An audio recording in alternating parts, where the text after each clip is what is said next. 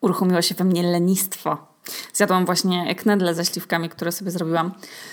I były bardzo pyszne. I to była jedyna rzecz, yy, którą zrobiłam ostatnio. To jest, I to jest mój niesamowity sukces. To jest sukces, za który musiałam wydać bardzo dużo hajsu na terapii, yy, kochani. To nie jest sukces za darmo. A mianowicie po 27 latach mojego życia yy, nauczyłam się lenić bez wyrzutów sumienia. I jak byłam młodsza, na przykład byłam w liceum, to jak miałam dzień wolny, to na przykład sobie wstawałam rano o 10, szłam na śniadanie i o ile się nie spotykałam z chłopakiem wtedy, albo gdzieś tam, nie wiem, nie jechałam, to odczuwałam taki dziwny niepokój związany z tym, że ja marnuję czas, bo jest przecież, nie wiem, tam sobota, godzina 12, bo też jeszcze tam na przykład o 10 wstawałam, trzeba było posprzątać łazienkę, tam jakieś obowiązki, trzeba było dać rzeczy do prania mamie i w ogóle. I później było, wiecie, że jest 12, a później niedziela zaraz też zleci i znowu, i znowu 7 jest rzędu do szkoły, no i korepetycje i dodatkowo angielski i coś tam. I ja nie mogłam po prostu odpoczywać i się lenić.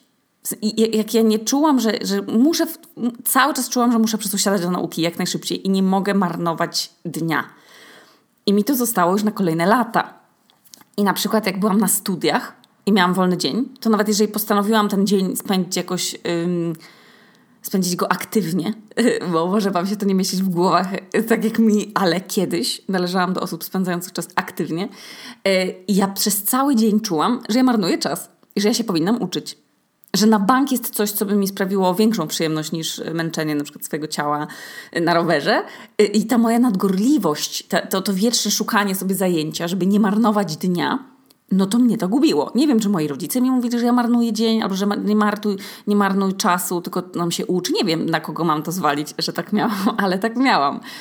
Bo nawet w wakacje na przykład, jak jeździłam e, do dziadka i babci na działkę, no to w wolnym czasie zamiast się bujać na przykład na hamaku, to ja nadrabiałam lektury i się zmuszałam do czytania, przecież się zaraz skończy ten czas wolny i ja nie powinnam go przeleżeć, bo będę żałowała. I to nie jest tak, że się, ja się nie spodziewałam żadnych, że, że nie, nie spędzałam żadnych dni na takim lenieniu się i nic nie robieniu. No bo oczywiście miałam takie dni, ale były te, te dni zawsze obkupione takim poczuciem winy, ale takim poczuciem winy, że mi całe plecy spinało i mówiłam, że mam po prostu cały dzień taki lęk, taki, taki anxiety cały czas, jakiś taki ogromny lęk w sobie. I cały dzień z tym, lekie, z tym lękiem musiałam spędzić. Albo musiałam wziąć lekarstwa jakieś na to, bo to po prostu było już nie do zniesienia. I aż któregoś dnia u Teda na terapii powiedziałam mu o tym. W sensie to było w, w tym okresie, w którym, e, w którym tam pracowałam po 200 godzin w miesiącu, bez wolnych dni. I jak już miałam dzień wolny, to musiałam zrobić rzeczy przecież, bo musiałam wstawić pranie, posprzątać, jechać gdzieś na przykład, nie wiem, tam do związków zawodowych, coś, coś załatwić, albo z kimś się spotkać. I marzyłam wtedy, żeby tak po prostu się, wiecie, tak się walnąć na kanapie i po prostu przespać cały dzień. Ale czułam taki wewnętrzny lęk, że nie powinno się tak po prostu marnować czasu, bo nie robienie niczego, tylko takie leżenie na przykład i scrollowanie face'a to jest grzech i, i nie powinno się nigdy w życiu marnować czasu, tylko się powinno ten czas wykorzystywać. I przypomniała mi się wtedy taka mm, sesja z moją pierwszą terapeutką, z panią Olą, która kiedyś, jak się do niej po prostu zwaliłam z problemami i miałam jakieś, nie, nie pamiętam, ale w gimnazjum to było. I bardzo wtedy dużo używałam stwierdzenia, że na, coś na 100%. I ja nie wiem, czy to były te, czy to były te czasy, że była piosenka JP na 100%. Nie wiem. Nie wiem. W każdym razie miałam jakąś obsesję tego, tego tych 100%. I, i, to, i to była też jakaś na, obsesja nauki. W każdym razie, wszystko co mówiłam, no, że niby mam dobre oceny, ale tak nie na 100%. Albo, że jestem kogoś, jakiejś osoby pewna, ale tak nie do końca w sumie. I ona mi w którymś momencie przerwała i powiedziała, Asia, ty cały czas mówisz, że coś, masz jakąś manię w ogóle tej pełności i tej, tej, tej stuprocentowości. A 100% to jest liczba boska. Ty w ogóle nie, nie osiągniesz tego nigdy. No, nic nie jest na 100%. Nie musisz mieć na 100% wszystkiego. Możesz mieć 60% i to też jest okej. Okay. I czy mi to wtedy pomogło? No oczywiście, że nie, bo, bo byłam za młoda jeszcze chyba na to i swoje poczucie własnej wartości wtedy no, oczywiście opieram na tym, e, co sobie ludzie pomyślą i, i, i, czy pomyślą, że jestem super we wszystkim i że jestem we wszystkim najlepsza, a nie, że jestem po prostu dobrym człowiekiem, na którym na przykład można polegać. No, kiedyś to było dla mnie mniej istotne. Ale jak teraz siedziałam u tego TEDa, mm, i z moich ust padło właśnie to 100%, y, no to mu o tym powiedziałam i pociągnęliśmy ten temat dalej i, i oczywiście tam się dogrzewaliśmy, że, że ten wieczny niepokój, y, który ja czuję, taki siedzący na barkach, przez który muszę brać tabletki, bo na przykład z lęku nie mogę wyjść z domu, e, to właśnie ten smród tych 100%, który się za mną ciągnie. E, dlatego ostatnio, słuchajcie, no zmarnowałam prawie cały tydzień. Kumacie to? Cały tydzień. Nic nie robiłam. Nawet sobie nie szukałam zajęć. Ale na przykład pospałam w dzień. Wstałam o 10. Yy, zjadłam śniadanie i poszłam o 12 znowu spać. I później się obudziłam o 17, na przykład poczytałam Harry'ego Pottera i znowu coś zjadłam. Jakiś tam YouTube sobie włączyłam, poglądałam i poszłam znowu spać. I wiecie co? Miałam wszystko w dupie. I ten taki stresolęk, że muszę nagrać podcast, bo przecież trzeba ciągłość, że jak przerwę, to już nie wrócę do tego i, i w ogóle... I, słuchajcie, w dupie to miałam. I nauczyłam się w końcu bez winy lenić i marnować czas. Ja nie byłam taka wypoczęta chyba od lat. No przysięgam, to jest podejście, które mi było wiele lat obce i, i mam tak do dziś, czyli to takie słynne kładzenie lachy tak zwane. I, i ludzie mówią, wyjebane, a będzie ci dane. I że to świetne, świetne stwierdzenie, a ja nigdy tak nie umiałam. I nie, no nie umiałam tego robić. I oczywiście nie było się bez wyrzutów sumienia, że ja nic nie robię przez tydzień bo przychodziły falami, y, albo przecież książka się sama nie napisze, y, podcasty się nie zrobią, kurze się nie zetrą, no kochani, no musiałam sobie poleżeć.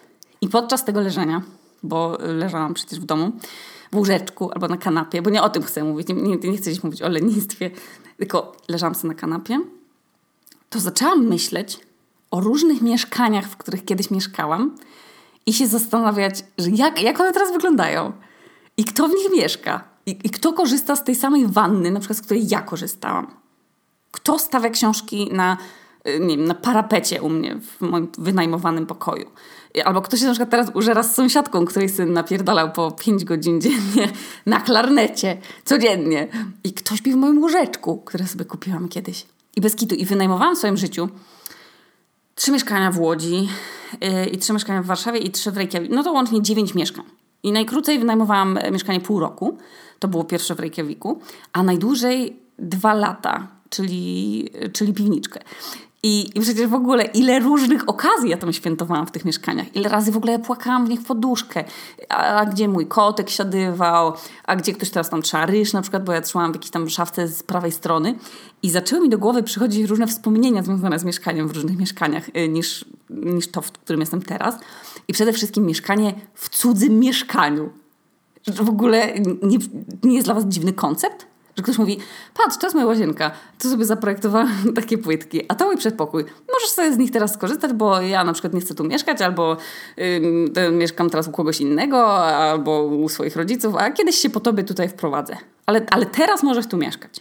I to jest jakiś niesamowity układ w ogóle zajmowania czyjejś przestrzeni, która przecież w ogóle dla wielu z, dla wielu z Was, jakbym nagle teraz powiedziała, że na przykład no, wyprowadźcie się gdzieś i, i, i pozwólcie, że do, wasze, do Waszego wymuskanego mieszkania, że pozwólcie się komuś obcemu wprowadzić. No to przecież część osób by w ogóle zemdlała, bo są tak związani ze swoją przestrzenią. I ja jestem jedną z tych osób.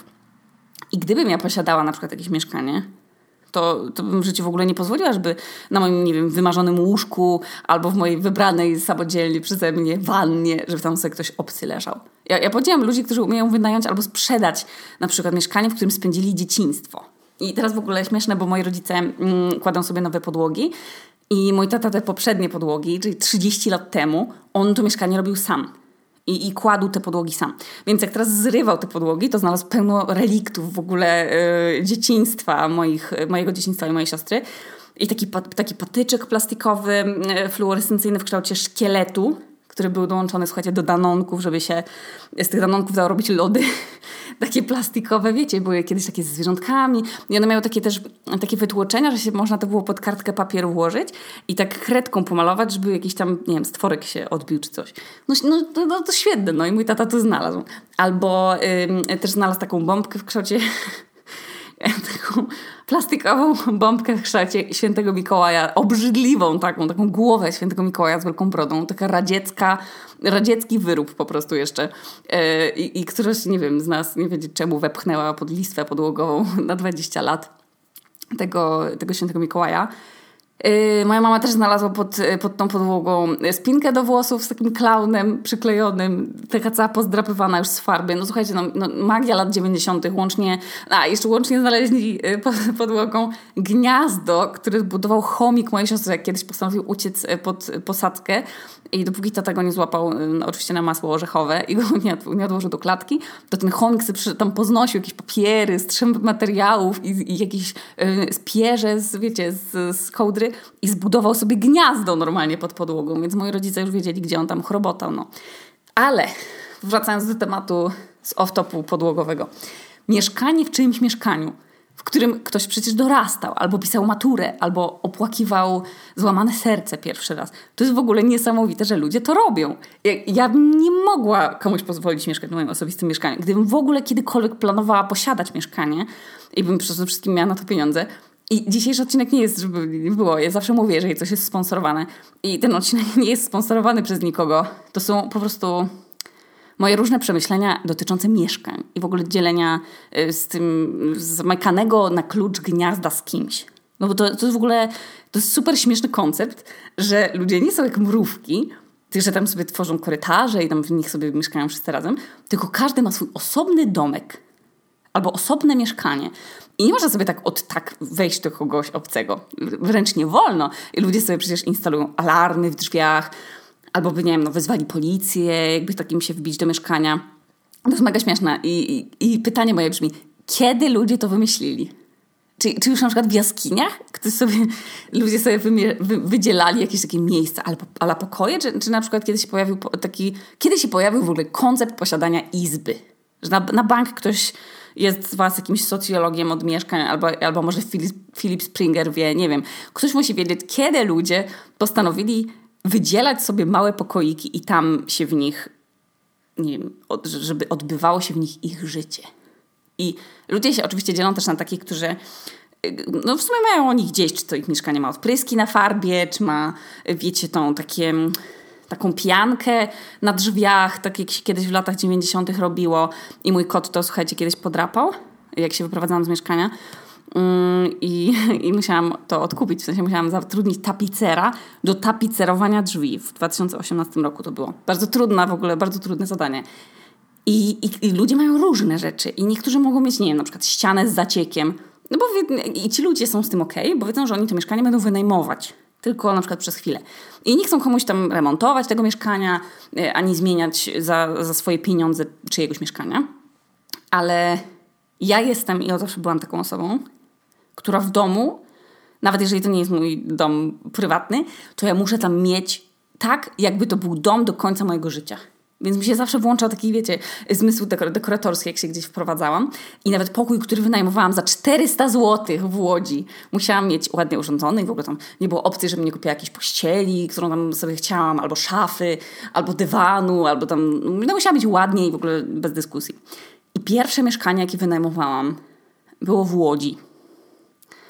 I, I to był bardzo, bardzo, no to był zajebiście drogi pokój, bo on kosztował z 800 zł. No i umówmy się, no, 800 za sam pokój, no to jest dużo. Bo w tej samej e, kamienicy w ogóle, e, to było w tej samej kamienicy, w której e, mieszkał wokalista z Pokoma.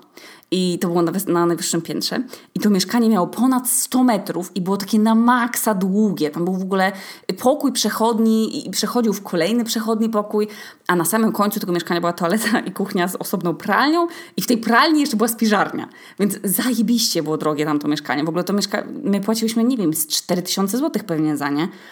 E, a ono nie było jakieś, wiecie, w jakimś super lokalizacji albo w jakimś fantastycznym standardzie, tylko po prostu było, metraż był chyba za duży i dlatego było drogie. I straciłam wątek. W każdym razie no, mieszkałam tam z, z, trzema innymi dziewczynami i to było super. Ja bardzo lubiłam z nimi mieszkać i miałam swój pokój zamykany, jedyny w ogóle zamykany e, pokój e, i miałam go dlatego, że ja miałam chłopaka i on do mnie przyjeżdżał i dlatego musiałam mieć zamykany przecież pokój. E, a tak to pewnie bym miała przechodni.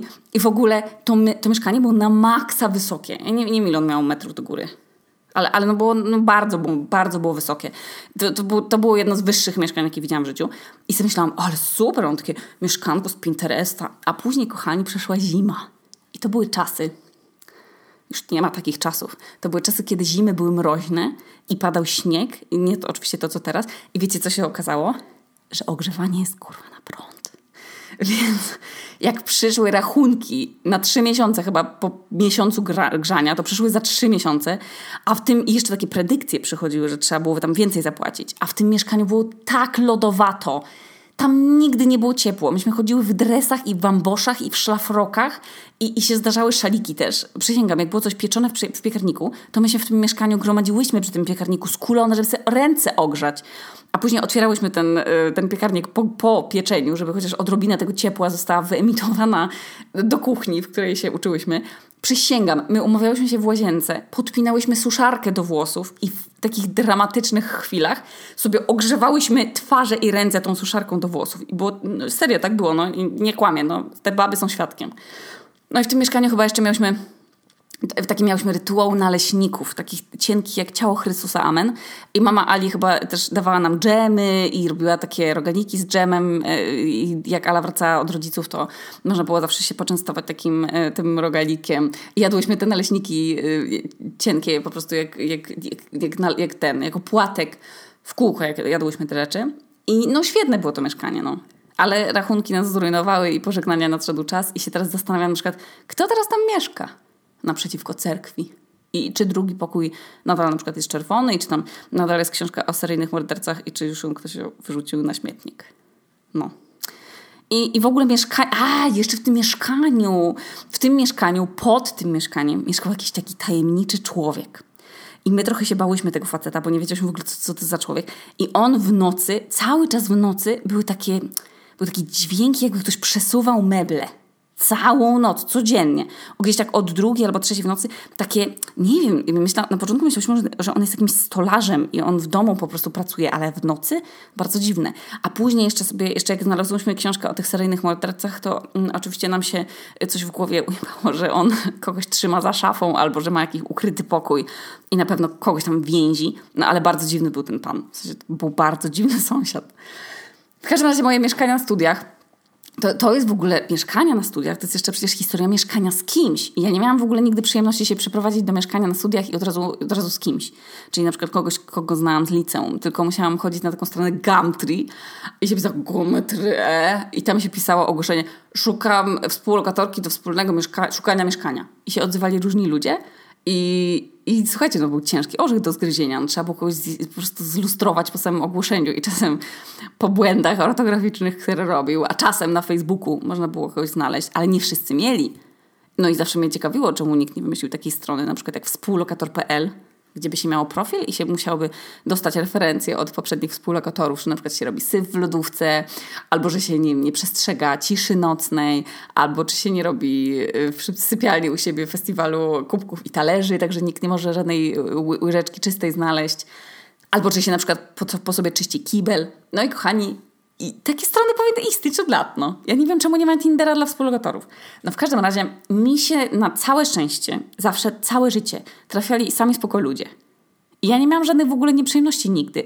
Ale przecież nie wszyscy mają takie szczęście i zdarzają się historie mrożące krew w żyłach. I ja też słyszałam, słyszałam kilka takich i one wynikają, kochani, z niesamowitego faktu, może was zdziwię, a może nie, że każdy z nas się wychowywał w innym domu. I na przykład mi tata mówił tysiąc razy, jak kroisz bułkę nad zlew, to, to nad zlewem krój, żeby nie kruszyć na blat. I ja to robię od zawsze i mnie to do szału doprowadza. Jak ktoś bułkę kroi na blacie i mi zostawia kurwa okruchy. I nie sprząta tych okruchów. Ja nie jestem w stanie tego znieść. Albo tata mi mówił, jak się skończyłaś kąpać, to spłucz te włosy i pianę. I zostaw łazienkę w takim stanie, w jakimś chciałabyś się zastać. I mnie to irytowało oczywiście, jak mam 14 lat. Ale teraz to to doceniam, bo dzięki temu zawsze po sobie zostawiam łazienkę bez włosów i ze startą wodą na podłodze i po prysznicu i nikt po mnie nie wchodził, to nie musiał suchą skarpetą w mokre wchodzić od razu. Ale nie wszystkich tata tyrał o te włosy w wannie, no. Albo włosy na podłodze w łazience i, i, na, i na blacie umywalki. I na przykład można trafić na kogoś, kto w ogóle jest naszym przeciwieństwem czystości. No i co wtedy? No masakra, no. Albo na przykład ludzie, którzy... to, jest, to jest typówka chyba studencka Czyli ludzie, którzy nigdy nie otwierają okien u siebie w pokoju, jak wychodzą do, wychodzą do mieszkania i otwierają drzwi do siebie do sypialni, to ten, ten zapach takiego miasta duchu ludzkiego, jak, jak w piramidach by siedzieli od czasów Kleopatry i zapach mumii, takie yy, okropne wtedy się wylewa na całe mieszkanie. Paskudne, paskudna rzecz, no. Różne rzeczy mi ludzie opowiadali o mieszkaniu z innymi ludźmi i najgorzej, kiedy się jeszcze okazywało, że musieli mieszkać z kimś w jednym pokoju. To już w ogóle by było, dla mnie to już by było tłumacz, słuchajcie najfajniejsze w mieszkaniu z innymi ludźmi, bo uważam, że to jest w ogóle bardzo fajny koncept mieszkania z obcymi ludźmi, to jest to, że się nie mieszka z rodzicami. To jest jakby duża zaleta. Jak się wtedy okazuje, że po pewnym czasie człowiek jednak zaczyna tęsknić za swoimi rodzinnymi przyzwyczajeniami, bo się może okazać, że to zresztą się okazuje, jak się na przykład zaczyna mieszkać ze swoją dziewczyną albo z chłopakiem, a się okazuje, że w każdym domu poziom czystości i rytuały sprzątania są zupełnie inne.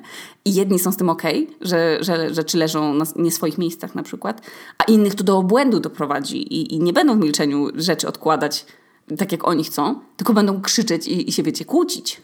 Mi na przykład nie przeszkadza, że no, że pranie na przykład wisi dwa dni na suszarce albo trzy dni się suszy, ale mnie do nerwicy doprowadza fakt, że nikt poza mną nie myje szafki tam, gdzie jest kurwa kosz na śmieci. I czasem tam na kapie herbata, jak się wrzuca woreczek na przykład od herbaty i tam te łupiny od czosnku czasem nie trafią do kosza, tylko tam kurwa i tam po prostu wystawiacie kosz, zabieracie śmieci do, na śmieci i widzicie, że po prostu tam, w tym, tam pod tym zlewem jest po prostu ruina. No, tam są nakapane sokiem, jakimś kawą, filtry od kawy, tam trochę... Nie, nie, obrzydliwe to jest. I, I, tylko ja tam odkurzam i ścieram te zacieki. Przysięgam, wszędzie, w każdym mieszkaniu. Ale na przykład wcale mi nie przeszkadza kubek, który stoi dwa dni na biurku. Także, kochani, no, każdy ma swój poziom i, i tolerancję na sprzątanie i, i bardzo wiele mi chyba ułatwiłaby ta aplikacja do wystawiania innym ocen, czy się, czy się dobrze z nimi mieszka, czy nie. Przynajmniej ludzie by czuli jakąś tam mobilizację, wiecie. Ale super w mieszkaniu y, z innymi ludźmi jest, to jest, że zawsze jest coś ciekawego. I nawet nie trzeba w ogóle wychodzić z domu, żeby mieć kontakt z drugim człowiekiem. I można się dużo wiedzieć o ludziach, w ogóle mieszkając z nimi mi się trafiali akurat super ludzie do mieszkania i można było sobie pić herbatę razem i dyskutować o jakimś egzaminie beznadziejnym. Yy, oni też przyprowadzali różnych znajomych y, ze swoich studiów, więc od razu można było, wiecie, yy, poznać jeszcze jakichś innych ludzi. Jak ktoś coś gotował, no to się zawsze pytał, czy, no, czy się chce ktoś poczęstować, czy tam spróbować przepis. A ja byłam jedną w ogóle z tych osób, co sobie codziennie gotowała i piekła. Yy, no więc ludzie się załapywali na jedzenie jeszcze dodatkowo. A już level up level po prostu up w tym. To, jest, to, jest w ogóle, to już jest, to jest top szczęścia współlokatorskiego, to jak, że mieszkanie z Anetą. To Aneta mówiła na przykład, no, a może tam jutro placki ziemniaczane. I robiła. Albo drożdżówki, albo jakieś w ogóle wymyślne dania, jakieś lasagne, których nikomu się nigdy nie chce robić. Albo Aneta zupełnie, w ogóle absolutnie Aneta jakby mogła, to by non-stop gotowała albo piekła więc absolutnie wszystkie, z, każde mieszkanie, e, jeżeli ktoś by mieszkał e, w życiu z Anetą, to, to, jest gastronomiczny raj w ogóle, no fantastyczne. A wczoraj, e, wczoraj fryzjerka Anety i koleżanka urodziła dziecko i Aneta jej z okazji urodzenia dziecka upiekła chałkę, ciasto z truskawkami, jakieś wiecie, jedzenie. No uważam, że to, jest, że to jest taki człowiek w swojej okolicy, serca swojego, to jest skarb. W każdym razie mieszkanie w ogóle z Anetą poza tym e, gastronomicznym e, rajem, no to po prostu obie kochamy takie rzeczy wszystkie, takie wiecie, przytulne, jakieś poduszki, tam poszewki, kocyki, świeczuszki. No to jest, to jest słuchajcie, no to jest bardzo istotne w kwestii mieszkania, no. Tak jak kwiaty. Więc bardzo dobrze, jak się mieszka z osobą, która lubi podobny albo taki sam dekor jak my, bo w innym przypadku no to niedobrze. Super też jest, jak się z kimś mieszka i można sobie dawać, testować kosmetyki. To jest świetna sprawa i w ogóle jaka, taka to jest oszczędność kosmetycznych fakapów. W ogóle można sobie sprawdzić wszystkie nowe rzeczy, y, które ktoś kupuje, powąchać, sobie nałożyć na twarz. A jeszcze jak mi się trafiła Aneta y, kosmetyko, choliczka, to już każde zamówienie z Cult Beauty y, to sobie mogłam powąchać i przetestować. To jest super.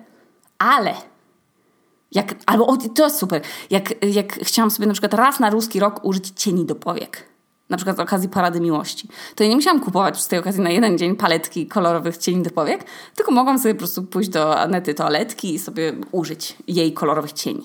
Bardzo też fajne miałam współlokatorki w Łodzi. W takim mieszkaniu, w którym, słuchajcie, nie było ani prysznica, ani wanny, tylko taki był taki natrysk jak na basenie z takimi rurami dla niepełnosprawnych, bo to było mieszkanie e, bardzo przystosowane właśnie do osoby niepełnosprawnej i miało bardzo dużo poręczy i takie niskie blaty, wiecie. I te poręcze akurat mi spadły z nieba, bo mieszkałam tam, jak dużo ćwiczyłam na siłowni i powiedzmy, jak miałam dzień nóg i miałam zakwasy przez 5 dni po tym dniu, to te rury przy muszli, muszli krozetowej to było zbawienie. to było ekstra. I, I tak się zastanawiałam, czemu ktoś nie odmontował tych rur, a one po prostu są naprawdę wygodne. No. I w tym mieszkaniu chyba spłuczka też była ukryta w szafie, więc trzeba było gościom zawsze mówić, że y, witam, jak chcesz spuścić wodę, to w szafie jest spłuczka. No i super tam było mieszkać, no. Z Olą i Pauliną tam y, mieszkałyśmy we trzy. I to było mieszkanie z takim wielkim balkonem i głównie na tym balkonie się w ogóle spędzało czas. Bo albo się tam paliło papierosy, albo się piło kawę i dużo ze sobą gadałyśmy. I one studiowały na filmówce na ESP, więc ja miałam kontakt, wiecie, po, poza tematami o ATP i bo, o bakteriach czerwonki, no to o, o filmach, jakichś projektach artystycznych. Super to było. Bardzo, bardzo fajne czasy. I w ogóle fajnie się razem mieszkało. Jak już się tak w końcu spakowałam w samochód i, i się wyprowadziłam do Warszawy, to jeszcze wieczór przed tym piłyśmy Fortunę Mirabelka i oglądałyśmy Titanica i płakałyśmy. I kochałam w ogóle mieszkanie z obcymi ludźmi. Co, co w ogóle można powiedzieć, tak sobie pomyśleć, że jest to do mnie niepodobne, ale serio, lubiłam na przykład robić prezenty do buta na Mikołajki i je wsadzać współlokatorom do butów. Y, lubiłam wszystkie obchody świąt, ubieranie choinki, y, obchodzenie urodzin. Ktoś nawet na, mi chyba na piątą rocznicę związku, y, moi współlokatorzy mi i mojemu ówczesnemu chłopakowi dali tort i szampana i to wszystko sprawiało, słuchajcie, że ja naprawdę lubiłam mieszkać w mieszkaniu z innymi ludźmi. I uważam, że to jest świetna nauka w ogóle i wymaga takiej umiejętności tworzenia sobie po prostu domu tam, gdzie się w danym momencie jest. I tak, i, no i jednocześnie tak z zazdrością patrzę na tych ludzi, którzy sobie teraz kupują mieszkania, ale z drugiej strony ja jeszcze nie dotarłam do tego, co w zasadzie powoduje we mnie tę zazdrość. Bo, bo nie wiem w sumie co, bo nie czuję zazdrości związanej z tym, że ktoś ma jakby zaklepany dom, czyli że po prostu swój własny, jakąś własność, bo ja nie czuję, że ja chciałabym gdzieś ym, czuć przywiązanie do jakiegoś miejsca, w sensie kumam, jak ktoś kocha na przykład, nie wiem, Beskid Niski i mówi sobie, jest, to jest moje miejsce na ziemi, ten Beskid Niski, chcę tu mieszkać, y, chcę tu wybudować dom. Ale ja nigdzie tak nie mam. No. I w sumie jakbym gdzieś miała mieszkanie, to bym się czuła do tego mieszkania uwiązana, bo mam bardzo dużą taką jakieś takie poczucie przynależności do miejsca, nie wiem. Ale, ale nie mam tak, no, nie mam tak nigdzie. W sensie z drugiej strony może kuszące w posiadaniu domu byłoby taka to byłoby takie, takie pewność z tyłu głowy, że się ma jakąś inwestycję, którą y, może, nie wiem, kiedyś tam zawsze, wiecie, że zawsze można to mieć i tam sprzedać. No ale pewnie gdybym musiała to sprzedać, to bym cierpiała przez utratę tej lokaty, tej, utratę tej inwestycji. No więc też źle, no. Natomiast też mogłabym pewnie kupić sobie własne mieszkanie, no ale ja po pierwsze nie mam takich pieniędzy, więc y, musiałabym wziąć kredyt, a, a jakbym wzięła kredyt, to to wiecznie była posrana po prostu, no bo u mnie w rodzinie się nie brało na nic kredytu i, i mam jakiś taki, nie wiem, takie uczucie, no nie umiałabym wziąć kredytu, bo się bała, że tam na przykład się okazuje, że, że zachoruję poważnie i, i miała problemy z zarabianiem i, i spłacaniem tego kredytu. Nie wiem, to, no znowu by to był stres, w opór, to jest kolejne zmartwienie w bani w ogóle w takiej sytuacji, ale nadal to jest jakoś, muszę w głowie, mam taką, tak zazdroszczę tym ludziom którzy mają swoje mieszkania. Może nie, może, że mogą sobie je urządzić, jak tylko marzą, a ja z drugiej strony no, mieszkam tylko w takich, w których ktoś kuchnię na przykład zrobił sobie pod swoje marzenia, a ja mam inne. Ale, ale, no, ale to nie jest najistotniejsza rzecz, no bo no. no ale no, ja nigdy nie miałam pieniędzy, żeby sobie kupić dom albo mieszkanie bez kredytu, więc może to jest jakaś zazdrość, że, że ktoś ma, a ja nie mam. Nie wiem, słuchajcie, myślę głośno. Bardzo w ogóle kocham ten, na Islandii taki koncept. O, to jest w ogóle ciekawe. Opowiem Wam o tym. Chcieliśmy zamienić kanapę w mieszkaniu, w którym obecnie mieszkamy. Bo wszystko tutaj, jak się wprowadziliśmy do tego mieszkania, to wszystko trzeba było kupić. Czyli yy, posiadam własną pralkę, posiadam własną lodówkę. To też jest w ogóle zupełnie nowe dla mnie, bo pierwszy raz wynajmuję mieszkanie, w którym jakby wszystkie meble i sprzęty są moje i jak się na przykład, jak się coś zepsuje, to nie będę mogła zadzwonić do pana i powiedzieć, wie pan co, no coś się zepsuła, no pralka, proszę mi wsadzić nową, tylko ja będę musiała kurwa kupić tę pralkę, jeżeli się zepsuje. Więc chcieliśmy zamienić kanapę w tym mieszkaniu. I wymiana mebli na Islandii jest bardzo prosta, ale jest też jednocześnie jest szalenie trudna.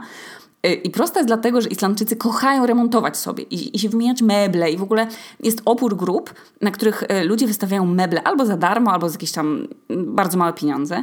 I to nie są takie meble, że tam śmieciarka jedzie i jakaś stara, rozklekotana wersalka y, i co jakiś czas tam ładny mebel, tylko to są normalnie zachibiste meble. No często w ogóle takie, wiecie, takie perełki, że nie z Ikei, tylko tam z jakichś fancy sklepów albo jakieś takie retro. E, I tak naprawdę można na Islandii się w ogóle, w ogóle nie kupować mebli i, i AGD też, i RTV, bo wszystko się da albo dostać za darmo od ludzi, którzy chcą się pozbywać rzeczy, albo kupić w tak zwanym pastuchu. Dobry pasterz, tak się nazywa taki sklep. Albo inaczej się mówi w używaku, albo w graciaku. I tam, kochani, jest raj. To jest sklep, który... Tam jest wszystko. Tam jest 100%, 100% wszystkiego do domu. Kanapy, fotele, dywany, y, wszystkie rzeczy do kuchni, jakieś talerze, lampy, y, mm, łóżeczka dla dzieci, jakieś komody. No, no to, to się absolutnie cały dom wyposaży, słuchajcie, za jedną dwusetną cenę. Bo tam się kupuje na przykład biurko za cenę ryby mrożonej w sklepie. Jakby da się, da się. Jeszcze jak jest 50%, 50% wyprzedaży, y, to, to już naprawdę to już da się do bezcen sobie po prostu te rzeczy tam kupić. I no, no serio, no, tam, tam są piękne rzeczy. E, I, i, I tam też są takie rzeczy, wiecie, takie nie, nie tylko, że stare czy tam z duszą, ale też takie fancy, jakieś takie, co by mogły u Kim Kardashian stać. Jakieś szalone lustra, no wszystko. No, nie ma rzeczy, której Graciaku się nie dostanie. Więc w ogóle na Islandii nie trzeba kupować nowych rzeczy. No i zgodnie my z tym, że, że albo wszystko jest na grupach, albo na, w używaku, no to znalazłam na jednej grup, z grup kanapę rozkładaną, taką jak chciałam, za jedną czwartą ceny. I wybitnie, bo to nie to, że mój Janusz się ucieszył, to jeszcze w ogóle jest taka tania. I jeszcze za małą opłatą y, taki chłopak, Polak nam mm, pomógł ją zawieźć do samego mieszkania i w ogóle pomógł wnieść i wynieść starą przed dom. No i słuchajcie, i co się wtedy okazało? Bo ja tego nie wiedziałam. Mówię, Amadeusz, Trzeba się pozbyć tej starej kanapy. Nie będę przecież jak y, jakiś tabur cygański, meble na zewnątrz, nie, nie będę tak stać. Już wstyd przed sąsiadami, trzeba się pozbyć tej kanapy. No i tak sobie myślałam, co, z nią zrobić, bo nasze auto w ogóle nie pomieści takiej kanapy. No więc wstawiałam ją na grupę y, tam za darmo do oddania, a jako, że w lockdown wszyscy sobie robili remonty i wymieniali meble, to, to było bardzo dużo, dużo kanap w ogóle dostępnych i naszej po prostu nikt nie chciał. No i co, co by się zrobiło w Polsce? Albo by się poprosiło sąsiada, żeby zniósł na dół i koło śmietnika by się postawiło, Albo by się wstawiło zdjęcie na OLX, że za darmo i każdy by sobie przyjechał, bo nie ma aż tak dużo fajnych rzeczy za darmo w Polsce, żeby ktoś nie przyjechał. Yy, no albo by się, no tak jak mówię, postawiał przy śmietniku. No, ludzie tak robią, że, że jakieś meble niechciane stawiają przy śmietniku, no i później tam sobie ktoś może coś zabrać. A na Islandii to jest w ogóle niemożliwe, bo uwaga, za wyrzucanie mebli i w ogóle śmieci się płaci. Normalnie jest taki na meble, w sensie jest taki, jakiś taki punkt odbioru dużych śmieci ale tam też się wo wozi butelki, żeby za nie dostać jakieś siano, elektrośmieci, yy, ubrania, też jest osobne kontenery na ubrania. I, ale co ciekawe, żeby oddać duże śmieci albo elektrośmieci, to kochani, trzeba za to zapłacić. Kumacie to? Trzeba zapłacić za wyrzucenie swoich śmieci, bo przecież ktoś musi ponieść ten koszt utylizacji ich. I to jest genialne. Może gdyby świat tak działał, wszędzie to byłyby graciaki, w każdym kraju byłyby graciaki, bo nie można by było, bo żeby wstawić rzeczy do graciaka i tak trzeba za nie zapłacić, bo żeby wyrzucić coś, trzeba za to zapłacić. Także w każdym kraju można by było, żeby wystarczyło wywieźć swoje stare meble do takiego sklepu i ktoś by sobie od razu mógł kupić tam meble zamiast kupować je w Ikei i w innych sklepach. Jakby się było studentem, to by się tam jechało po prostu do używaka i, i cały swój pokój by się tam urządzało za 5 zł. No. W każdym razie, podsumowując, yy, musieliśmy poprosić naszego znajomego Piotra, żeby przyjechał do nas z innego miasta, żeby wziął duży samochód i pomógł nam wywieźć tę kanapę właśnie do tych kontenerów na śmieci. Na szczęście okazało się, że nie musieli e, chłopaki nic płacić, no bo chyba ta kanapa była, nie wiem, w dobrym stanie i oni po prostu uznali, że będzie ponownie do obiegu. Nie wiem, no pewnie pójdziemy do Garaciaka i tam będzie nasza kanapa do kupienia i zobaczymy, że, że ktoś jeszcze na niej zarobi. W każdym razie chciałam dzisiaj sobie powspominać różne miejsca, w których zdarzyło mi się spać. Yy, pochwaliłam się przy okazji, że mam nową kanapę. Może ktoś z Was na przykład teraz mieszka, będzie miał moją starą kanapę. A może ktoś z Was teraz mieszka w sensie w moich starych mieszkaniach, a ja mieszkam w cudzych. Może ja mieszkam w Waszym mieszkaniu, jeśli nazywacie się Wider i mieszkać za ścianą. Albo może ktoś teraz mieszka w piwniczce, albo śpi na moim materacu, który kiedyś sprzedałam w Łodzi. Kto to może wiedzieć? Nie wiadomo, no. No i to tyle, no. Tu Okuniewska z nadpiwniczki w Reykjaviku, a to był odcinek o, yy, o czterech ścianach.